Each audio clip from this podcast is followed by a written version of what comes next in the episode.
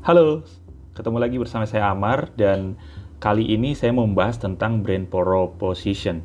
Dari sini konsumen bisa kenalan dengan brand personality-nya, biasanya dari brand tagline.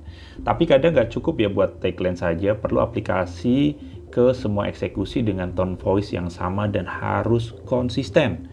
Kadang nih kita bisa nemuin brand yang katanya fun, tapi konten-kontennya kok sangat serius gitu ya. Atau kadang ada brand yang katanya muda, tapi voice-nya kayak orang tua. Nah, gimana caranya e, cara membangunnya? Ada 8 step yang bisa kita praktekkan. Tapi e, saya ingin jelasin sebenarnya apa sih brand proposition itu dan bagaimana cara membangunnya. Jadi brand proposition adalah identitas suatu brand. Dari sini harus tergambar keseluruhan brandnya. Way of life brand karakternya, dan lain-lain. Intinya sih kita setting brand ini kalau ini orang, ini orang tuh jadi seperti apa sih? Apakah dia rocker, ataukah dia orang kayak ustadz yang baik, ataukah kalau misalnya dia orang itu sangat feminim, tomboy, dan sebagainya, fun, dan lain sebagainya. Nah ini namanya brand proposition. Gimana cara bangunnya? Badoy pasti sudah tahu ya, biasanya kita harus setting terlebih dahulu STP, segmen, target, positioning. Kalau kalau kita cek dari bukunya uh, Philip Kotler. Tapi untuk jadiin itu biasanya ada 8 step teknis. Catat ya. Yang pertama consumer mapping. Ini adalah tahapan segmentasi, jadi kita harus membagi 100% konsumen menjadi beberapa grup. Tahap ini belum kita tentukan targetnya nih. Nah, biasanya kita pakai riset, data menggunakan demografi, geografi, psikografi, dan jauh lebih detail lagi perilaku konsumennya kita bisa mensegmenkan kelompok orang yang suka brand atau yang mementingkan harga atau yang mentingin kualitas produk atau orang yang sangat detail untuk uh, mementingkan dari jarak dia pembelian dan sebagainya. Nah, semakin tahu tentang kelompok-kelompok ini, ini akan jauh lebih mudah.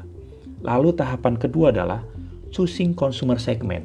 Ini adalah fase targeting jadi kita harus pilih nggak hanya satu, tapi minimal dua. Ada primary target dan juga secondary target.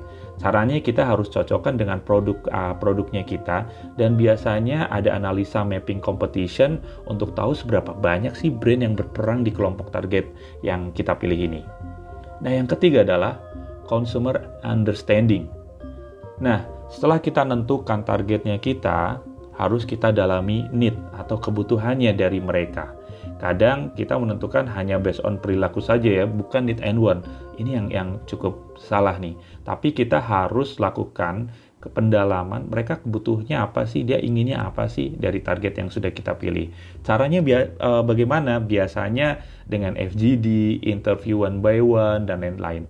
Ribet emang ya. Tapi uh, selain ribet butuh waktu butuh investa investasi. Tapi untuk jangka panjang ini sangat worth it. Nah, yang keempat adalah kita akan mempositioning setup. Di sini kita menentukan ideologi dari brand kita. Tipsnya harus benar-benar menjawab dari insight target market kita yang tadi step 1, 2, dan 3 itu. Dan yang step kelima adalah personality setup. Di tahap ini kita harus tentukan brand personal kita kayak apa. Kalau fun, fun yang kayak apa? Apakah lucu atau seru doang? Kalau lucu, lucu yang kritis atau lucu yang garing dan sebagainya.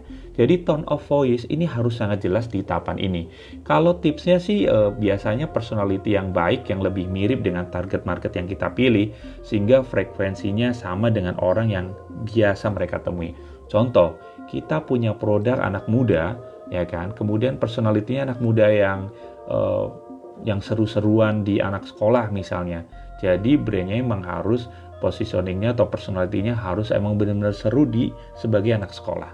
Karena itu akan mempermudah si target market kita mengenali produk kita. Nah, step keenam adalah tagline development. Tagline ini harus bisa menyampaikan ideologi brand dan uh, dengan personalitinya tersebut. Pemisahan kata-kata sangat penting karena beda kata ini bisa menggambarkan personality yang jauh beda. Nah, yang ketujuh, building strategic framework. Ini adalah dokumentasi dari tahapan sebelumnya. Di sini akan ditulis insight consumer, personality yang dipilih, dan sebagainya. Singkatnya sih tahapan ini untuk cek apakah semuanya cocok dan bisa jangka panjang atau tidak. Dan yang terakhir adalah brand book development. brand book ini jauh lebih detail dibandingkan strategic framework karena bukan hanya strategiknya, strategiknya saja tapi guideline-nya juga.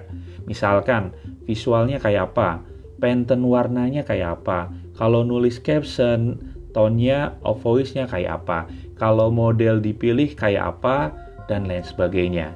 Sehingga apa pun yang diproduksi terkait brand di mana pun outputnya tetap sama dengan personality dan ideologi brand yang sudah dibangun. Jadi mau cetak di Jakarta, mau cetak di Aceh, di Papua, Makassar, Bali, kalau sudah ada brand book development ini atau ada brand book yang udah kita share ke tim, itu akan jauh lebih gampang dan akan terbentuk brand yang konsisten. Nah, semua itu atau 8 step itu harus bisa teraplikasi ke market mulai dari poster, stiker, spanduk, billboard, iklan, TV, event, merchandise, dan lain sebagainya. Kenapa ini penting banget? Karena pada akhirnya brand proposition ini yang akan menjadi objek equity-nya sebuah brand, which mean akan menentukan apakah konsumen akan malu atau enggak kalau ketahuan menggunakan brand kita. Semoga tentang 8 step membangun brand proposition ini bisa bermanfaat ya dan kalian tidak pusing karena mm, lumayan cukup ribet tapi minimal sistematik atau prinsip-prinsipnya kalian sudah tahu. Kalau ada pertanyaan jangan sungkan-sungkan langsung aja DM di Instagram at amarramdani22. Semoga bisa bermanfaat. Bye.